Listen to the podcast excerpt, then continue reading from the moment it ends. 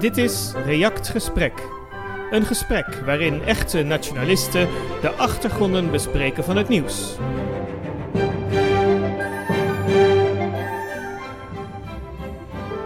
Buiten is het 14 graden.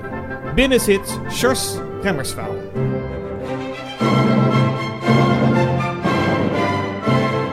Goedemiddag, welkom bij React Gesprek, uitzending nummer 10. We zijn vandaag eh, op locatie in uh, Vlaams Huis De Klokken in, uh, in Duffel. Um, React Gesprek is het gespreksprogramma van reactnieuws.net... waarin onze schrijvers en gasten met elkaar praten en discussiëren... over de brandende onderwerpen van de actualiteit. Met deze keer als onderwerp de coronamanifestaties in België en de Great Reset. Met een, een aantal gasten... Rob Verrijken, schrijver bij React Nieuws. Wim de Winter, schrijver bij React Nieuws. Hector van Oefelen, dichter. En Jos Wouters, de, is ook schrijver. En uh, welkom bij React Nieuws, alsjeblieft. Heel goed, Hector. Uh, korte inleiding. Just, just. Korte inleiding. Um, we, we, gaan het hebben over de coronademonstraties in België. Um, nou, er is al regelmatig uh, gedemonstreerd. Een, een, aantal belangrijke demonstraties zijn, is in eerste instantie eentje verhinderd op um, januari van 2021. Daarna een, um, een tweetal feestelijke demonstraties in Brussel, La Boom 1 en 2. Vervolgens uh, eind november van vorig jaar een eerste grote betoging in Brussel.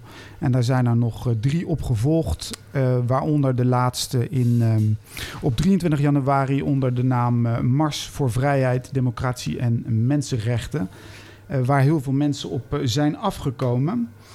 Nou, we gaan het ook hebben over de achterliggende gedachten voor de vergaande maatregelen die wijzen in de richting van wat men noemt de Great Reset, oftewel de grote herstart. Uh, naar voren gebracht door de oprichter van het Wereld Economisch Forum, Klaus Schwab. Jos, u um, wilde wat vertellen over het doel van die demonstraties, uh, van de coronademonstraties. Dus ik uh, wil beginnen met te zeggen, uh, het zou over de toestand in uh, ons land gaan, maar het is toch duidelijk om op te merken dat de toestand van de betogingen en van de acties, dat die niet alleen zelfs in ons land en in de buurlanden, maar dat die zich bijna over heel de wereld uitstrekken. Ik wil even voorstellen, ik heb uh, vanaf het begin, en dat was in maart 2020, toen er een enorme kramp ontstond, er een enorme giftige, zware pandemie werd aangekondigd, heb ik toen al gemeld in de golfbrekers, waar ik schrijf onder de, uh, onder de rubriek cyclus, heb ik gemeld dat de zaken niet konden kloppen, dat dat absoluut uh, onlogisch is, dat dat van een, uh, van een paar vleermuizen zou komen op een markt of van een paar verkeerd geslachte dieren. En dat, dat er dus opzet in het spel was. Wanneer we nu twee jaar later de situatie bekijken, dan moeten we zeggen dat we uh, zeer alert moeten zijn. En dat we niet moeten uh, meegaan in het verhaal van uh, mensen zoals minister De Croo, die dat zeggen, we gaan een mooie lente tegemoet. Om een voorbeeld te geven van de laatste maatregelen. wij krijgen zogezegd versoepelingen. Men heeft de misdadige, misdadige regel om kleine kinderen van 6 tot 12 jaar een mondkapje te laten dragen. Men heeft dat opgeheven, maar men heeft uh, enkele van de belangrijkste zaken, die heeft men niet opgeheven. En uh, het zal ten zeerste de vraag zijn of die nog worden opgeheven. En dan heb ik het hier bijvoorbeeld over de mondmaskerplicht en de COVID-safe-pas. Wij zullen daar zeer alert moeten over zijn. Wat ik als uh, raadgevingen wil geven, uh, voor de, voor vanaf nu tot de toekomst. Ten eerste moeten we goed merken dat, dit, dat deze opgezette pandemie en deze uh, soort derde wereldoorlog die er gestart is, dat die niet gaat ophouden. Uh, wij moeten verder de straat op gaan en wij moeten dus, het belangrijkste is dat wij moeten bekijken welke onze echte tegenstanders zijn. Het kan niet alleen zo zijn dat wij gaan betogen om een of andere maatregel op te heffen. Wij moeten ons in, niet alleen bij ons, maar in alle uh, verzetsbewegingen moeten er ertoe leiden gaan te betogen om de regimes, want dat zijn het, om de regimes, op te heffen. Een tweede uh, raad dat ik geef is, wij moeten een middel zoeken, zelfs vanuit een bepaalde blog, wij moeten middelen zoeken om die tot de coördinatie te komen van de verzetsbewegingen met verschillende landen in de, in de buurt. op welke manier dat zij, wij kunnen daar de oproep doen van mensen die dat contactpersonen kennen of die dat contacten met vooral bewegingen in Nederland, Duitsland en Frankrijk zijn natuurlijk het belangrijkste. Wij moeten daar zeer goed zien, omdat wij eigenlijk allemaal voor dezelfde zaak vechten. Dan wil ik nog zeggen dat uh, de laatste uh, aanbeveling is. Ik heb gemerkt, dat is een zeer goed ding, dat er vanuit verschillende hoeken in de samenleving van bewuste en ontwaakte mensen verzet is ontstaan. maar dan zie ik toch een beetje het probleem en ik noem dat een probleem, ah, dat de hoofd, een van de hoofdgroepen in België, zo zal ik het noemen, zich Belgians for Freedom noemen. Dan denk ik dat wij moeten zeggen, wij moeten er zeer van bewust zijn, wij zijn ontstaan, de Vlaamse beweging die nu meer dan 100 jaar oud is. De essentie van die Vlaamse beweging is geweest een strijd tegen de, terreur van het Belgisch regime dat, dan is dat een, en voor mij als Vlaams nationalist, is een van de hoofdredenen geweest om onmiddellijk volledig in het verzet te gaan tegen al die maatregelen die ik heel dikwijls, ik zou ze uh, kunnen opnoemen. Er zijn een heel pak grondwettelijke, uh, grondwettelijke zaken die dat met de voeten getreden zijn en die nog altijd niet teruggeschroefd zijn. Dus uh, het is volgens mij ook de taak naar de toekomst toe. Er is geleidelijk aan in, in kringen zoals zelfs een partij zoals het Vlaams Belang, maar ook een doorbraak bijvoorbeeld, uh, is er meer weerstand gegroeid. Maar dat heeft een hele lange tijd geduurd. Dus om af te sluiten zou ik zeggen van het is aan de Vlaamse beweging en aan de radicale kern daarvan om een belangrijker deel op te eisen uh, in de strijd tegen de dictatuur, want daar komt het eigenlijk, dat is uiteindelijk de essentie waar het eigenlijk op neerkomt. Hector. Ik deel, ik deel volledig uw mening. En ik wil er toch wel op wijzen dat uh, heel die sfeer die wordt uh, geschapen rond die coronabedreiging, dat die met opzet wordt gedraaid in een Belgicistische richting. Men heeft heel die corona-protestbeweging proberen te misbruiken. En daar zijn er ook in geslaagd volgens mij. Eh, om daar een uh, Belgicistische, protestbeweging van te maken. En dus uh, op die manier dus de Vlaamse stem een beetje te smoren in het Belgicistisch staatsnationalisme. Dat is wat mij verschrikkelijk ergert. Ik heb het nog deze morgen uit de mond gehoord van een premier. Die, die het ook nodig vond om te spreken over 11 miljoen Belgen, één beweging, of hoe, hoe heeft dat geformuleerd? Of, één, of één groep. Het, is, het is bij om teven. Men probeert dat helemaal weg te halen van de Vlaamse beweging. En men probeert daar een volledig Belgicistische, francofoon Belgicistische draai aan te geven. Dat is wat mij bijzonder ergert, eveneens Vlaams nationalist zijnde. Juist. Het valt ook uh, op, eh, Rob, dat uh, bij de demonstraties uh, de demonstranten toch wel tegen wat problemen aanlopen. Um, dat ze of zelfs helemaal niet mogen demonstreren, of het gehinderd wordt, of heel veel wordt ingrepen door de politie in Brussel. Wat, wat heeft u daarvan meegekregen? Ja, George, inderdaad. Ehm, ik ben natuurlijk activist en, en, ik steun het verzet tegen de, de liberale coronadictatuur. Maar ik ben ehm, voormalig advocaat, jurist van opleiding. Dus ik bekijk inderdaad die dingen natuurlijk toch ook wel ehm, met een eh, juridische bril. En wat mij daarbij enorm opvalt de laatste tijd, is dat ik denk dat we voor eh, ja, een fundamentele keuze beginnen te staan, die, die steeds meer mensen duidelijk wordt. Dat is eh, hier in West-Europa, ik denk dat dat hetzelfde is in Nederland eh, of in Vlaanderen of in Frankrijk, wij worden beschouwd als onderdanen. En die term is goed gekozen. Hè? Men moet onderdanig zijn ten overstaan van monarchie, uh, eerste minister, alle mogelijke politiediensten. En nu, in deze coronatijden, ik noem dat alle zelfverklaarde uh, burgerlijke Gestapo-agentjes.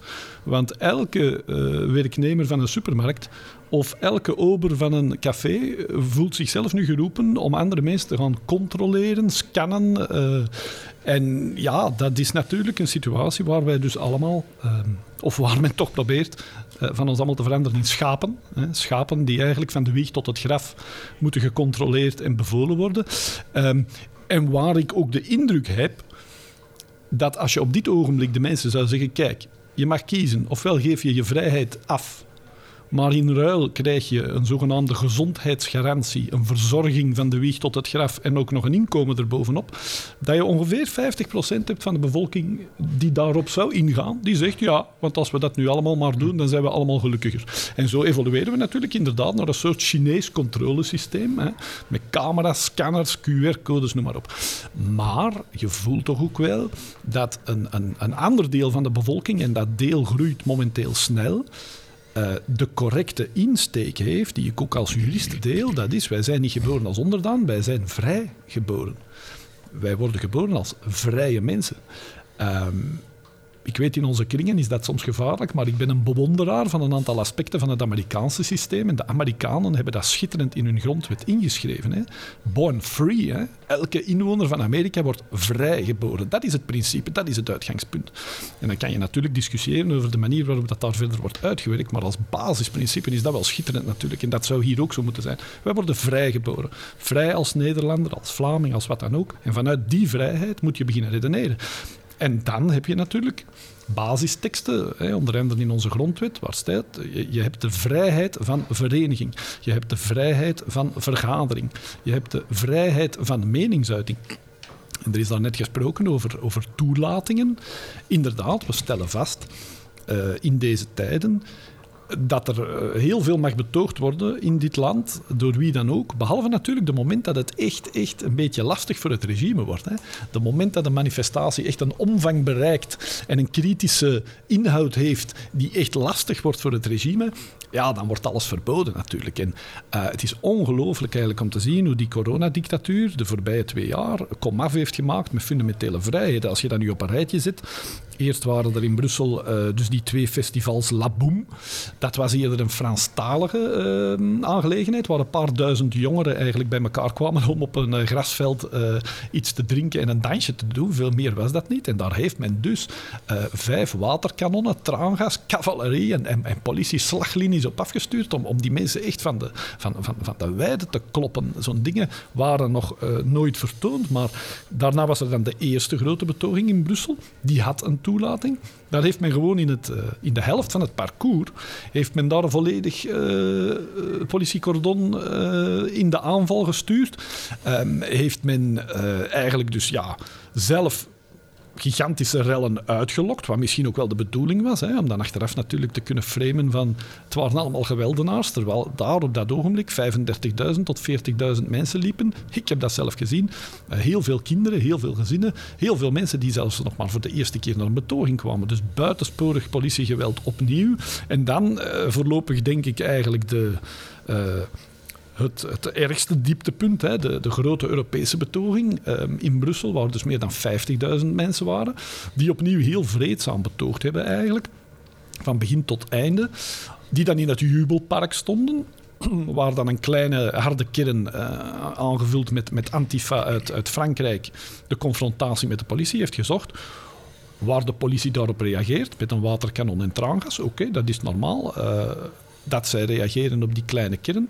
Maar waar men dan is overgegaan tot dus een, volledige grootschalige aanval op dat volledige Jurbelpark, waar dus op dat ogenblik opnieuw weer 30.000 mensen nog, nog rustig naar uh, toespraken stonden te luisteren of op de bank een, een boterhammetje aan het eten waren. Ook dat was weer een, een totaal geval van buitensporig politiegeweld. En dan begin je daar toch wel een lijn in te zien. Hè, dat dit regime um, ja, echt, echt buitensporig geweld gebruikt tegen zijn eigen burgers, omdat die eigenlijk alleen maar zeggen, wij willen terug onze vrijheid. Hè. We willen terug naar onze fundamentele uh, vrijheden.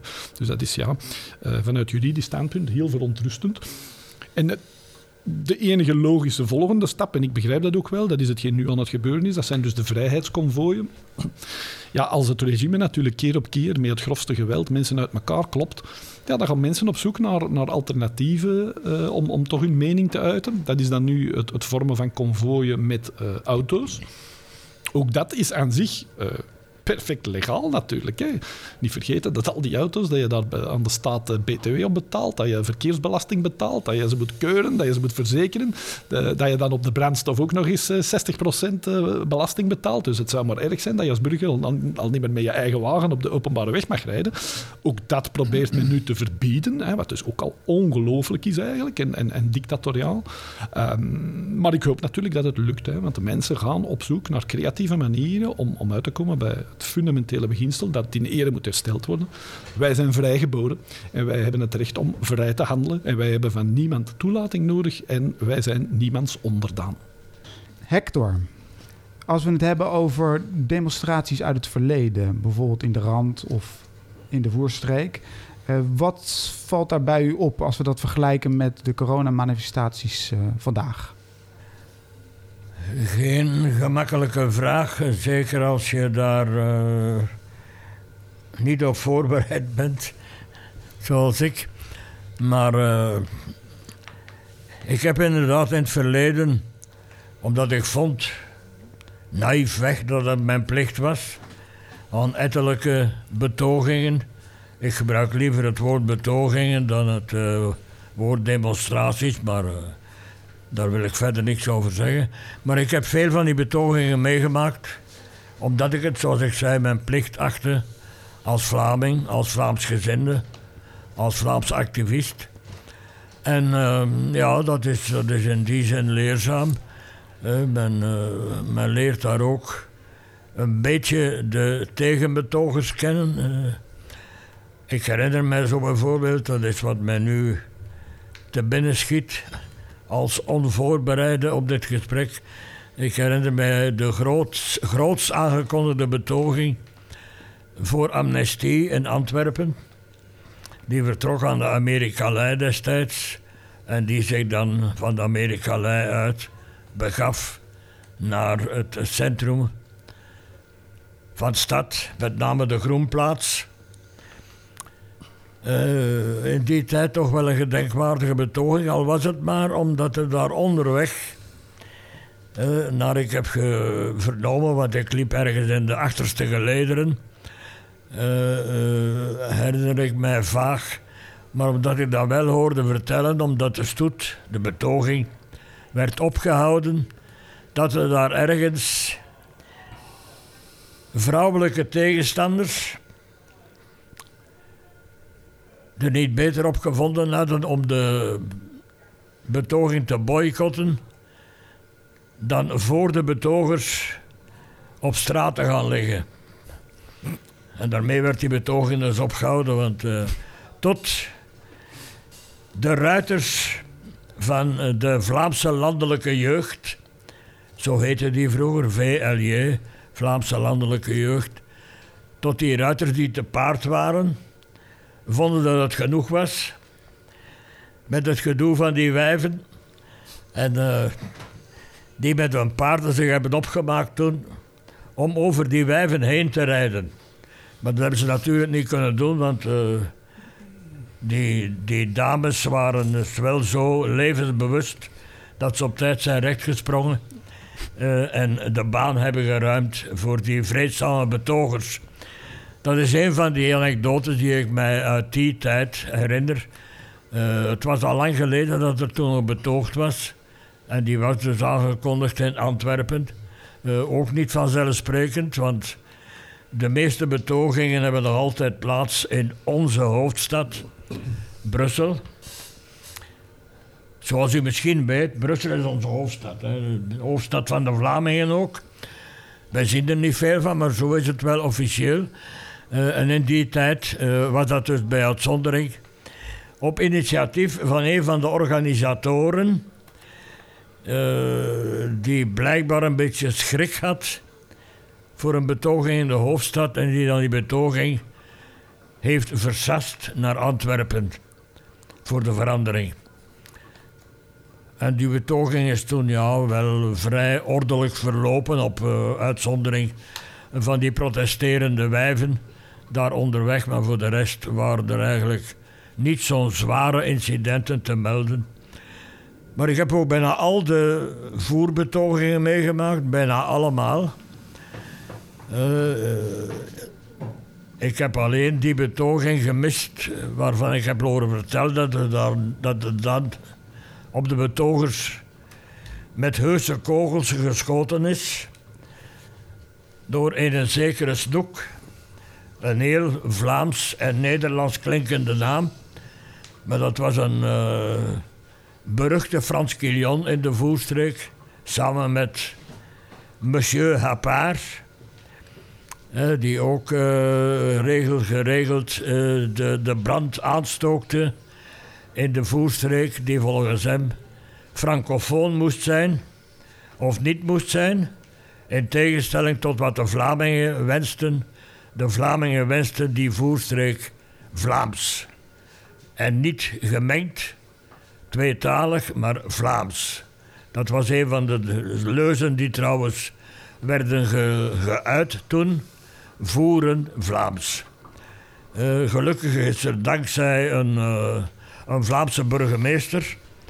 Uh, is dat er uiteindelijk van gekomen maar niet na uh, van die protestwandelingen. Die wandelingen werden genoemd, maar dat was een zeer zwaar eufemisme, want uh, die wandelingen, dat waren uh, zeer soms levensbedreigende confrontaties met de Rijkswacht, die in het merendeel, voor het merendeel bemand was. En natuurlijk was dat met opzet gedaan door Franstalige elementen.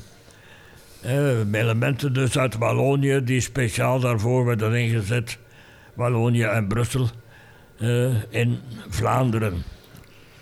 Uh, ik heb daar zelf een uh, confrontatie meegemaakt uh, waar ik nog met, met een zeker afgrijzen aan denk. Op zeker ogenblik werd er dan gechargeerd door de Rijkswacht. En ik stond daar uh, ergens in het nauw gedreven voor een boerderij. Ik heb mij dan zo goed als mogelijk tegen de muur van die boerderij gedrukt. En toen kwam daar zo'n bereden rijkswachter af, te paard dus, met zo'n lange matrak.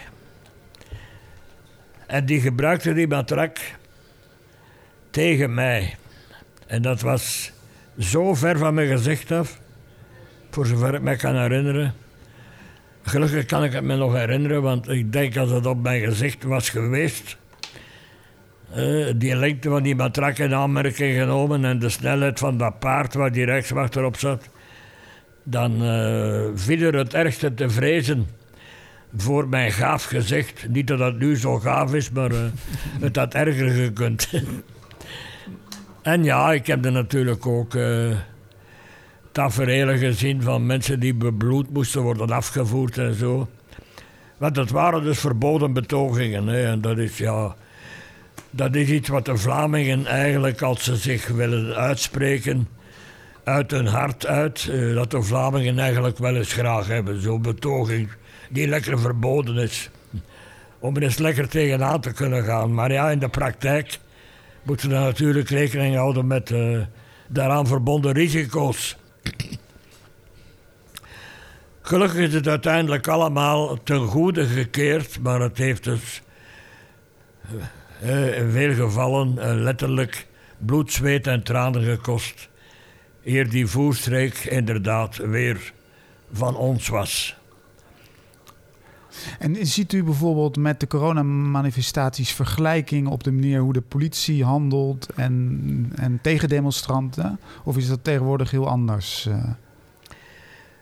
Wel, ik moet eerlijk bekennen, uh, en ik probeer altijd eerlijk te zijn. Uh, misschien ziet mij dat niet, maar ik moet eerlijk bekennen, ik heb die coronamanifestaties eigenlijk niet zo goed gevolgd. Ja, ik lees natuurlijk wat er in de pers verschijnt. En ik hoor het op radio en tv, maar uh, eigenlijk heb ik daar uh, niet zo'n goede kijk op. Dus ik ga er ook geen commentaar bij geven. Uh, natuurlijk is corona een, een, een, een, dictatoriale maatregel, tenminste de maatregelen die erbij komen kijken. En daar heb ik natuurlijk als democraat problemen mee. Maar ja, hoe dat in de praktijk in zijn werk gaat en zo, daar spreek ik mij liever niet over uit. Maar de, de grootte van de demonstraties zijn wel uh, van die aard dat dat misschien toch niet te vergelijken is met de demonstraties in het verleden. Of wel? Nee, dat denk ik niet. Misschien ook door het feit dat nu, naar ik hoor in de nieuwsberichten, de deelnemers aan die coronabetogingen, eh, dat die heel verscheiden zijn. Hmm. Eh, dat die, uh, en, en dat is wel iets, een, een groot verschil tegenover de betogingen van vroeger, die waren allemaal. Uh, die werden allemaal meegedaan. Mee, mee, er werd altijd mee betoogd door een heel uh, homogeen publiek eigenlijk. Met een, bepaalde, bepaald thema waarvoor ze gingen betogen. Uh, in die tijd waar ik er straks over sprak, was dat amnestie. Die er nooit gekomen is tussen haakjes. En die, er, ja, eh, die ook niet meer hoeven op het ogenblik. Want de meeste mensen die in aanmerking zouden kunnen komen voor amnestie, die zijn al lang overleden en begraven. Uh, uh, dus die, die hebben het niet meer nodig. Maar in de tijd was dat nog heel brandend actueel. Hè, dus die, die betogingen voor amnestie. En ja, die heb, daar heb ik er verschillende van meegemaakt toen. En die gingen er soms ook wel, uh, het ging er soms ook wel hard aan de gaan toe. Uh, ook vanwege de Rijkswacht. Juist. Wat mij zelf uh, toch wel is opgevallen, enerzijds uh, in, in, en vooral onder de be betogingen en onder de betogers, is um, natuurlijk enerzijds is er een, in de samenleving een hele grote groep die eigenlijk blindelings meedoet, ongeacht de maatregelen die worden opgelegd. En aan de andere kant ehm, ja, is er dan toch die grote groep betogers. Uh, wat, wat toch wel opvalt is dat er heel veel onduidelijkheid is over de uh, algemene onzekerheid. Dat is beter, beter verwoord. Mensen zoeken daar echt naar antwoorden. Je ziet ook uh, op die spandoeken ook van alles uh, staan die ook alle kanten op wijzen.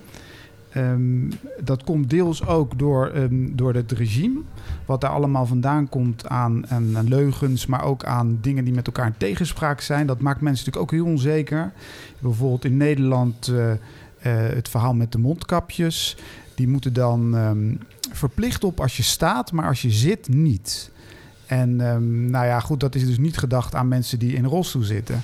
Want die ja, die bewegen natuurlijk altijd en die uh, zitten ook altijd. Nou, dat is maar één voorbeeld. Bijvoorbeeld nog door de PCR-test, die dan gebruikt wordt om te testen of mensen um, corona hebben. Daarvan heeft de uitvinder gezegd dat je daar niet mee kan testen wat men daarmee wil testen. Ook zo'n voorbeeld. En denk aan de, aan de vaccins zelf die uh, in de testfase zitten. En waarvan wij altijd hebben geleerd dat, uh, dat ze eerst getest worden en daarna pas uh, aan het publiek worden ingespoten. Dus dat is voor mensen, dat maakt mensen heel onzeker. En dat merk je ook binnen die demonstraties. Um, voor politieke organisaties is dat natuurlijk, zou dat een hele grote kans zijn om dat binnen hun ideologie mee te nemen. Dus dit beleid te beoordelen te bekritiseren en daar dan ook een antwoord op te, te bieden. Um, ik zie dat de vijand dat wel doet. Ik uh, heb een artikel gelezen in de KNAK, uh, links, linksblad, weekblad in Vlaanderen. Uh, waar uh, ja, er wordt gezegd, uh, nou je kan lokaal niets meer oplossen. Vlaanderen gaat verdwijnen. Ehm, het Belgisch, de Belgische instellingen moeten versterkt worden. En die gaan dan samen met internationale organisaties zoiets als de corona oplossen voor de bevolking. Dus de, de, de vijand heeft erover nagedacht hoe ze de coronacrisis kunnen gebruiken. Ehm, in Nederland zie ik ehm, van links is er dan, zijn er een aantal, maar vooral, vooral één uh, vooraanstaand uh, denker, oud-hoogleraar, Kees van der Pijl, een marxist. Die heeft heel goed geanalyseerd ook waar de financiële belangen lopen um, achter het corona-verhaal. En die biedt dan als alternatief het, het, opstaan van het precariaat, en de marxistische terminologie, dus het opstaan van de, van de werkende klasse. Um, en daar aan de andere kant zien we in Nederland Forum voor Democratie, die um, ook eigenlijk diezelfde analyse maken, maar dan als antwoord bieden uh, en als houvast voor de mensen de, um, de, de democratie. En dan zoals die in 1848 in Nederland uh, door uh, Thorbecke is vormgegeven. dat is knap, want zij bieden natuurlijk wel een alternatief voor mensen om, en om houvast te hebben en om ook de uh, problematiek die op ons wordt afgestuurd, om die um, wat beter te begrijpen en, en, en binnen die ideologie uh, vorm uh, te geven. Um, dat zie ik eigenlijk minder en minder in Vlaanderen. Um, dat daar toch wat te weinig alternatieven zijn die een antwoord bieden tegenover die Great Reset. Wim, jij hebt een aantal artikelen ook al geschreven over de Great Reset. ook met de achtergronden allemaal daarvan. zou je iets daarover kunnen vertellen? Ja, volgens mijn bescheiden mening is uh, de Great Reset uh, een nieuwe fase in het kapitalisme. Ik uh, ga me verduidelijken. En het doel daarvan is dus het vergroten van de markt en het zoeken naar vers kapitaal. Ja, dat is een evolutie die al bezig is vanaf de Franse Revolutie, toen de lokale markten verenigd werden in één nazistaat. En dan op een gegeven moment um, werden die nazistaten ook weer te klein als markt en werd de Europese Unie opgericht. Uh, die werd ook te klein en momenteel zitten we al uh, enkele decennia in een fase van globalisering of mondialisme. De Italiaanse filosoof Diego Fusaro uh, spreekt niet van globalisering, maar van globalitarisme. En de Great Reset daarvan is, het, is, het, is daarvan het sluitstuk van heel die globalisering. En er zijn overigens heel wat gelijkenissen tussen de Franse Revolutie en die Great Reset. Allereerst de mensen die achter die um, Great Reset zitten. Het zijn eigenlijk net dezelfde mensen als toen met de Franse Revolutie. Want uh, veel mensen denken dat de Franse Revolutie een revolutie was van het volk. Dat is niet helemaal waar. Het volk werd misbruikt door bepaalde groepen die deze Franse Revolutie gestart hebben. En dat zijn voornamelijk handelaars, bankiers en speculanten. En achter de Great Reset, daar zitten juist dezelfde mensen achter. Je moet maar eens kijken naar de ledenlijst van het uh, Wereld Economisch Forum. Die is gewoon uh, vrij raadpleegbaar op het internet, op hun eigen webstack. Daar zien we ook uh, ja, handelaars, die handelaars van toen, het zijn nu geen graanhandelaars meer bijvoorbeeld, maar de grote multinationale bedrijven. Maar de bankiers en de speculanten zijn gebleven. Dan ook nog uh, andere gelijkenissen tussen uh, de Great Reset en de Franse Revolutie zijn onder andere het uh, vernietigen van onze taal en van onze cultuur. Het, de aanval op onze tradities. Kijk naar wat er gebeurt met Zwarte Piet. Dan het fanatisme en de onverdraagzaamheid tegenover andersdenkenden. De, de, het, politiek, het politiek correcte denken en het woke denken. Ik zou het geen denken noemen, maar en dan het geframe uh, van alles wat zich verzet tegen, tegen dat politiek correcte denken en nu ook tegen de Great Reset, dat wordt dan allemaal geframed als extreem rechts.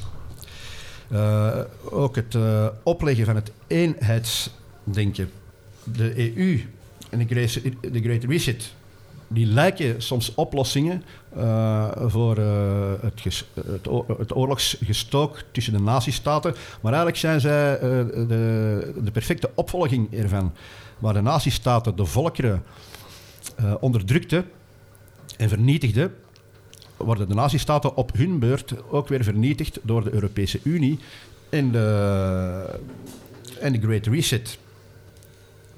En het doel daarvan is van ehm, alle barrières uh, uit de weg te ruimen. Denk aan het uh, vrij verkeer van goederen, van, uh, van personen en ook vooral van kapitaal, want daar is het vooral om te doen, om dat groot kapitaal. En dus het enige doel is dus een grote wereldwijde markt te creëren met alleen maar consumenten zonder identiteit, te zijn een zeer individuele identiteit, maar geen volksidentiteit. En eh, het is eigenlijk het creëren van de maakbare wereld. En al wie zich tegen deze plannen verzet, en dat is al decennia lang zo, die is extreem rechts. Uh, wat verder ook opvalt aan de Great Reset is de, de belangstelling voor allerlei nieuwe technieken. Uh, vooral waar het gaat om het controleren van, uh, van, de, van de bevolking. Overal camera's. De, de, fascinatie voor Klaus Schwab voor implanteerbare chips. Eventueel het invoeren van een sociaal kredietsysteem in, in China. Ophemelen van artificiële intelligentie als dat allemaal geïmplementeerd wordt, dan is eh, het verzet tegen een, een foute overheid gewoon niet meer mogelijk. En dat, dat willen ze hebben natuurlijk. Het is, we zijn echt op weg naar een totalitaire staat en zelfs naar een totalitaire wereld. En daarom, ik geef Jos daar eigenlijk gelijk in, het zich verzetten tegen Great Reset is eigenlijk een heel, in essentie, een, een nationalistische daad een volksnationalistische daad. Net zoals het verzet tegen de Franse revolutie een volksnationalistische daad is. Voor ouder en heert, het is eigenlijk net hetzelfde. Juist. Nou, wat mij op is gevallen bij uh, het werk, want uh, Klaus Schwab heeft recent een boek geschreven, of een aantal jaar terug. En wat daar inderdaad heel erg, wat mij heel erg opvalt, is inderdaad wat hij noemt transhumanisme. Dus dat is het samengaan van biologie met technologie. En onder andere, um, ja, dat houdt dus in dat mensen een soort, uh, ja, een halve robots uh, gaan worden. Dus dat, dat valt heel erg op. Um, en hij maakt ook een, een belangrijk onderscheid tussen het, wat hij dan noemt het stakeholder en het shareholderskapitalisme. Dat is het kapitalisme van de belanghebbenden, waar ze naartoe willen. En dat dan in het verleden was van de aandeelhouders. Um, dat dat valt, valt op bij, eh, voor mij bij dat boek. Dus dat sluit inderdaad wel aan bij wat Wim zegt. Van, uh, het blijft nog in het sfeer van het kapitalisme, alleen het krijgt een andere, een andere inhoud. Ja, als we het hebben over het Wereld Economisch Forum, Wim. Um, wat voor rol hebben die volgens jou bij de, binnen de huidige regering in België? Ja, er zijn duidelijk bindingen met uh, het Wereld Economisch Forum en uh, regeringen en uh, staatsmannen, als we ze zo mogen noemen, over heel de wereld. bijvoorbeeld Trudeau is er, in Canada is er iemand van. Macron, Merkel, zelfs Poetin wordt genoemd, ik weet dat niet zeker. en ook bij ons de Croo en, en in Nederland Rutte natuurlijk. Um, dus die hebben zeker een eh, vinger in de pap te brokken. Uh, vorige week heb je me nog een mail toegezonden met daarin het bewijs dat ook de, de Vlaamse overheid um, elk jaar uh, eh, 60.000 Zwitserse frank stort op de rekening van het Wereld Economisch Forum. dat is waarschijnlijk het lidgeld. En ja, ik heb een opzoekwerk gedaan en inderdaad, het is niet abnormaal natuurlijk dat eh, eh, overheden en uh, grote bedrijven op zoek gaan naar een netwerk waar ze andere grote bedrijven en overheden tegenkomen. Dat, dat is niet abnormaal. er kunnen goede contacten gelegd worden. Dus, maar het is heel die ideologie die achter, die achter dat Wereld Economisch Forum zit. en dat blijkbaar ook wordt toegepast. Als we kijken naar overheden over heel de wereld, op dezelfde momenten zeggen die hetzelfde, die doen hetzelfde. Eh, het is... Eh, het lijkt wel of geen enkel uh, land nog een eigen identiteit heeft of een eigen mening.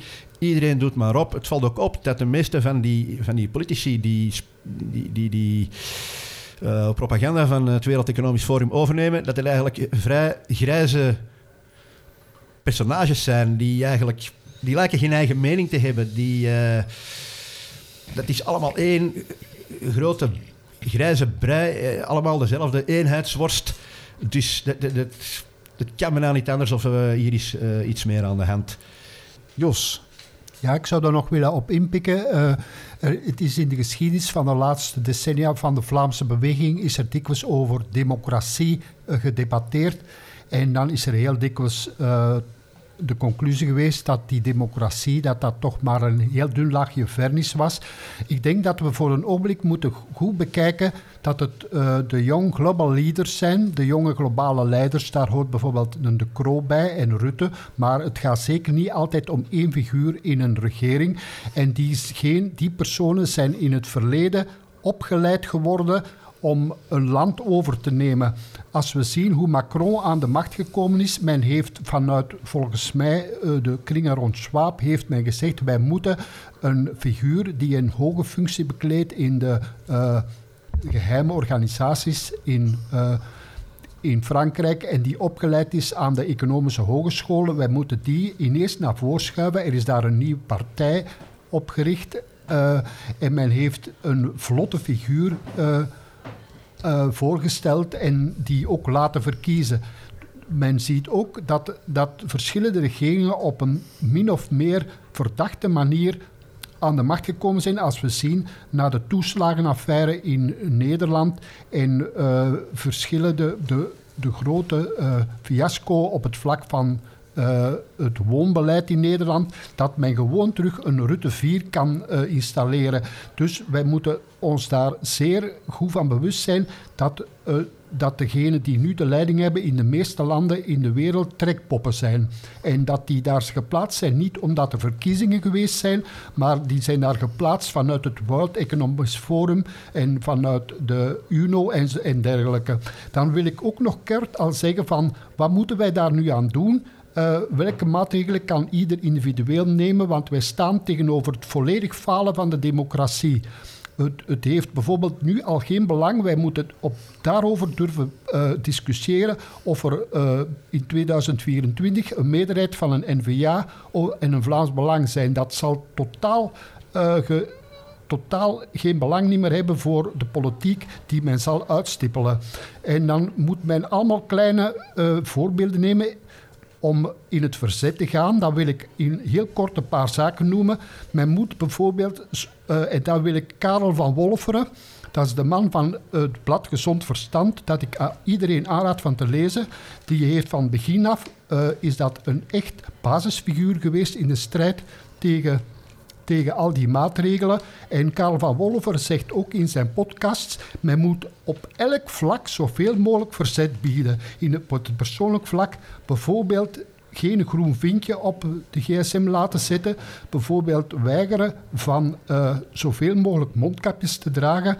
Men moet proberen het systeem, ieder individu moet proberen het systeem zo weinig mogelijk te volgen. Dan is er een, een ander belangrijk punt. Welk zal de financiële politiek van de toekomst zijn? Men is van plan om het baar geld af te schaffen. Ik volg voor mijzelf, men moet zeer duidelijk bewust zijn en men moet er naartoe trachten van een groot aantal van de financiële verrichtingen toch nog met baar geld te doen. Men moet anderzijds op het bredere vlak bekijken dat men van plan is om uh, te zorgen dat de, tegen het jaar 2030 dat de mensen grotendeels van hun natuurlijke vermogens uh, bestolen zijn. Daarom moeten mensen, als ze kunnen, uh, hun liquide middelen en zaken die dat, uh, die dat aantastbaar zijn, overzetten in, in bijvoorbeeld onroerend goed, in goud of andere producten, dat is een echte aanrader, want uh, men is dat echt van plan. En dan wil ik ook nog zeggen, men, moet vooral ook nog, tenslotte wil ik zeggen, men moet de druk verder uh, opvoeren. Bijvoorbeeld naar de partijen, en daar hoort ook het, bijvoorbeeld het Vlaams Belang bij, om te laten merken dat er uh, een zeer duidelijk bewuste groep mensen is die dat, heel die zaak doorheeft en dat men moet eigenlijk optreden, dat het aan de verkozenen van het volk is om op te treden. En dan geef ik als een goed voorbeeld het Forum voor Democratie in Nederland, die een beetje op zoek is nu om een parallele samenleving op te richten als wij, waarin dat allerhande instituten worden opgericht die dat terugwerken volgens het oud systeem. Juist. Wim. Um, wat, dat, wat die marionetten in al die regeringen betreft, die marionetten van het Wereld Economisch Forum. Ik heb mij al verschillende keren afgevraagd uh, of het niet de bedoeling was uh, dat, de Kro, dat het op voorhand niet de bedoeling was dat de Kro premier ging worden. Want er wordt wel gezegd dat hij iets aan het doen was met een Italiaanse pornoster. Maar toch eh, die, die, die regeringsvorming bij ons heeft zo lang geduurd, zouden we het daar niet mee te maken kunnen hebben. En dan Vincent van Quickenborne, ook een uh, young global leader van het Wereld Economisch Forum geweest, die dan op het departement van Justitie terechtkomt als minister. De, de, de, premier en het ministerie van Justitie, dat zijn twee sleutelposities in een regering. Ja, en lichtgewichten volgens u. Alsjeblieft? Lichtgewichten. Lichtgewichten? Ja, weinig um, inhoudelijk sterk. Uh, geen, geen goede achtergrond om zo'n functie te vervullen. Uh, welke politiek tegenwoordig wel? Ja. Ja, en onmiddellijk misschien, misschien toch nog even aanvullen. Uh, als je nu één punt moet noemen van, van iets dat deze regering onder leiding van dus die twee uh, Great Reset-figuren, van Quickenborne op justitie en De Croo, eerste minister, zijn beginnen uitvoeren, dan is het ten eerste het uh, terugdringen van de vrije meningsuiting.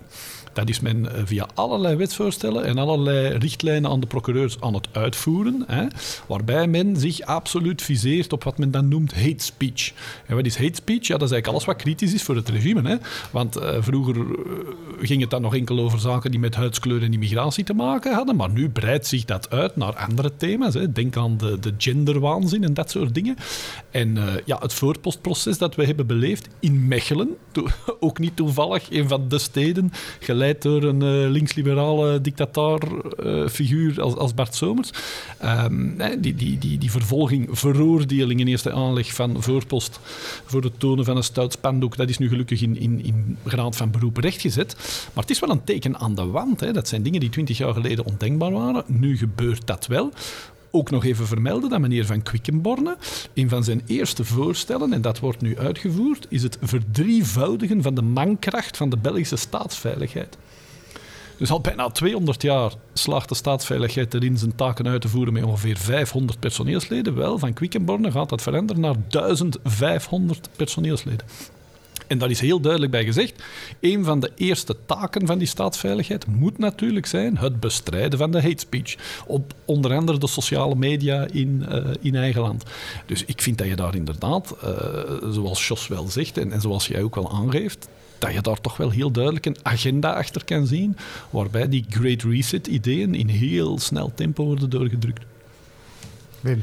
In feite is de guillotine van de Franse revolutie vervangen door, uh, door uh, justitie. Dat dreigt met gevangenisstraffen en met hoge geldboetes. Het gaat ook weer om, om mensen die opkomen voor hun eigen volkse identiteit, zoals voorpost. Ook Moeders voor Moeders is uh, een proces uh, gehad omdat ze weigerden vrouwen met een hoofddoekje uh, binnen te laten in hun lokalen. Ze, ze weigerden niet om, om moslimvrouwen te bedienen en te helpen. Maar ze waren principieel tegen vrouwen met een hoofddoekje in hun lokalen. En, en zo zien we dat al die, iedereen die, die opkomt voor zijn eigen identiteit wordt ver, vervolgd. Juist. Hector. Ik ben vreselijk teleurgesteld door de minime reacties op dat proces van voorpost. Ik vind dat dat een veel ruimere weerslag had moeten krijgen. Dat duizenden mensen op straat hadden moeten komen om tegen dat belachelijk gedoe, tegen zo'n belachelijk proces, voor het ontvouwen van een spandoek nota bene, als je spreekt over vrije meningsuiting, dat er daar zo weinig golven van te merken zijn in de maatschappij. Dat stelt mij verschrikkelijk teleur en ik hoop van jullie hetzelfde. Wim. Ik, ik denk dat het vooral uh, een geval is van, uh, van, van, de tijdsgeest. Uh, heel veel, er is heel veel te doen geweest op de sociale media. maar het is niet gemakkelijk om mensen op straat te krijgen. Tenzij de laatste tijd natuurlijk, als het echt duidelijk wordt dat het met de overheid de, de verkeerde kant op gaat, zoals nu blijkt. Ja, natuurlijk zijn die sociale media een nieuw verschijnsel in onze samenleving. Hè. Dat, dat, is iets wat wij, wat wij uh, een paar tien jaar, tientallen jaren geleden helemaal niet kenden. Maar dat is nu ja, een, een belangrijk element in de communicatie geworden. Dus. Ja, wat mij betreft uh, mag de strijd ook uh, wat meer fysiek op de straat uh, gevoerd worden en wat minder op de sociale media. Want ik, Daar, vind, ik eh, vind dat ook. Ja, ja, ja. Jos. Ik zou nog, nog, nog eens een keer de nadruk willen leggen op, op dat punt dat nu tot uiting was gekomen bij de betoging. De laatste was in Rotterdam, eh, ik geloof verleden week. Uh, er wordt enorm uh, fanatiek gereageerd op het, de aanwezige oranje, blanje, bleu vlaggen. Die dat ja. worden beschouwd als zijnde van uh, een erfenis van de NSB. En dat is dan niet de Nationale Strijdersbond in België, maar uh, de NSB in Nederland. Het is zo dat wij daar grote aandacht moeten aan besteden omdat uh, wij, moeten daar voor een stuk vorming geven via de kanalen die we hebben. De, de vlag van Willem van Oranje was de vlag die gediend heeft in de 80-jarige oorlog. Het heeft 80 jaar geduurd vanaf uh, in de jaren 1585 of 1570 tot 1600 en zoveel. Eer dat de Nederlanden zich hebben bevrijd. Dat heeft 80 jaar geduurd en dat was geheel de periode de vlag van de vrijheidsstrijd. Dat daar uh, op een bepaald moment andere mensen gebruik van gemaakt hebben, wil niet zeggen dat die vlag niet de grootste eerbied uh, verdient. Dan wil ik daaraan gekoppeld ook nog zeggen. Uh, Johan Sanctorum heeft in een van de laatste uh, bijdrages in Doorbraak er ook op gewezen dat dus de de strijd en de aandacht voor een onafhankelijk Vlaanderen. Zelf denk ik meer groot-Nederlands, maar hij bekijkt het voor de zaak voor de onafhankelijkheid, dat die zo goed als stilgevallen is. Uh, het gaat hier over volksaanvoelen en volksbegrip. Uh, een van de hoofdtaken, en dat moet ook gecoördineerd worden. En daar tracht ik ook natuurlijk van achter de schrijfmachine, maar zeker ook op straat in elke mogelijke.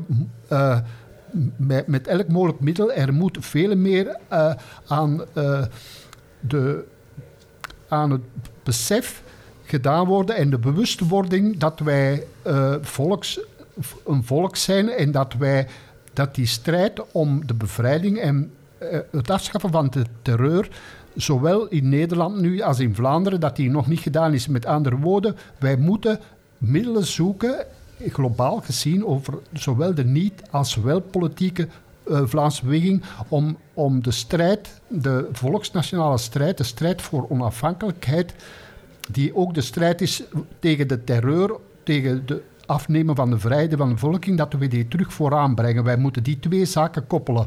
Volledig aan elkaar koppelen. Wim. Ja, wat die Prinsenvlag uh, betreft, ik ben uh, vorige week nog iets gaan opzoeken. Uh, wie dat er nog allemaal de, de, kleuren van de Prinsenvlag gebruikt. En dan blijkt dat de, de Vrije Universiteit van Brussel in haar logo het oranje, blanje, bleu gebruikt. En ook de Gentse studentenclub, een vrijzinnige studentenclub, het zal wel gaan, van oorsprong ook Vlaams gezind. die gebruiken die kleuren ook. Dus ja, zijn het dan allemaal NSB'ers? Ik denk het niet. Maar het enige doel ja, de, de, de, commentaren of de kritiek op de Prinsenvlag komt maar uh, vanuit één hoek. En dat is duidelijk Antifa, extreem links. En die willen uh, tweedracht uh, creëren in de, in de beweging die zich opwerpt tegen de coronamaatregelen. En, en, en dat is alles in een blinde haat. vernietigen zij alles wat zij op hun weg tegenkomen. En ja, ook deze beweging. Ook door de volkse Afrikaners wordt trouwens die oranje, blanje vleuvlag gebruikt. Hè? Of... Duidelijk. We gaan um, meer de Prinsenvlag voeren. We gaan vanuit uh, de sociale media weg de straat op. En uh, we gaan uh, vol er tegenin tegen de coronamaatregelen. Ik wil iedereen, alle gasten, hartelijk bedanken voor de interessante inzichten. En u heeft thuis geluisterd naar Reactgesprek nummer 10: Coronamanifestaties in België en The Great Reset.